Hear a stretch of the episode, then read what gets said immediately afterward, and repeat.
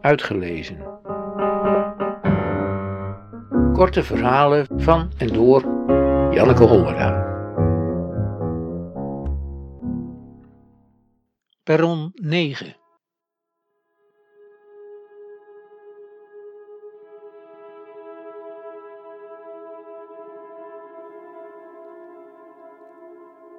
Gebeurt op perron 9, waargenomen vanaf perron 11. Tussen 9 en 11 twee sporen. 16 maart, ochtend, 10 uur. Een vrouw met een groot kind aan een touw.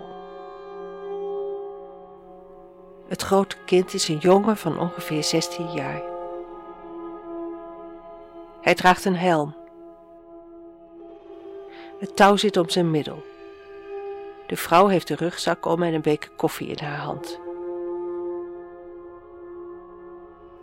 Ze tilt de koffie naar de mond van de jongen, maar hij draait zijn hoofd weg en beent naar de rand van het perron. De vrouw kan hem bijna niet houden. Ze laat de koffie vallen. Met twee handen trekt ze de jongen terug, sleurt hem naar een paal midden op het perron en bindt hem vast. Dan bukt ze zich, pakt de beker, drinkt de laatste slok koffie op. Hoe weet ik dat het koffie was? Misschien was het thee, of een beker water met kalmerende middelen. En wachten ze op hun trein en gingen ze ergens naartoe? Of wachten ze op iemand? Was de vrouw zijn moeder of zijn verzorgster? Wat was er met de jongen? Hij was vluchtgevaarlijk en suïcidaal. Hij kon makkelijk vallen en zijn schedel breken. Hij mocht nooit loslopen. S'nachts sliep hij in een dwangbuis in een bed. Misschien mocht hij die dag naar huis omdat zijn moeder op 16 maart jarig was. In de rugzak van de vrouw zat het cadeau een tekening, een zelfportret.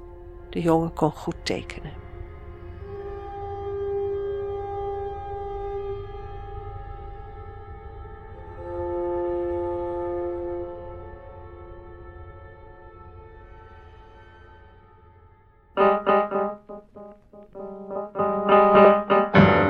Uitgelezen.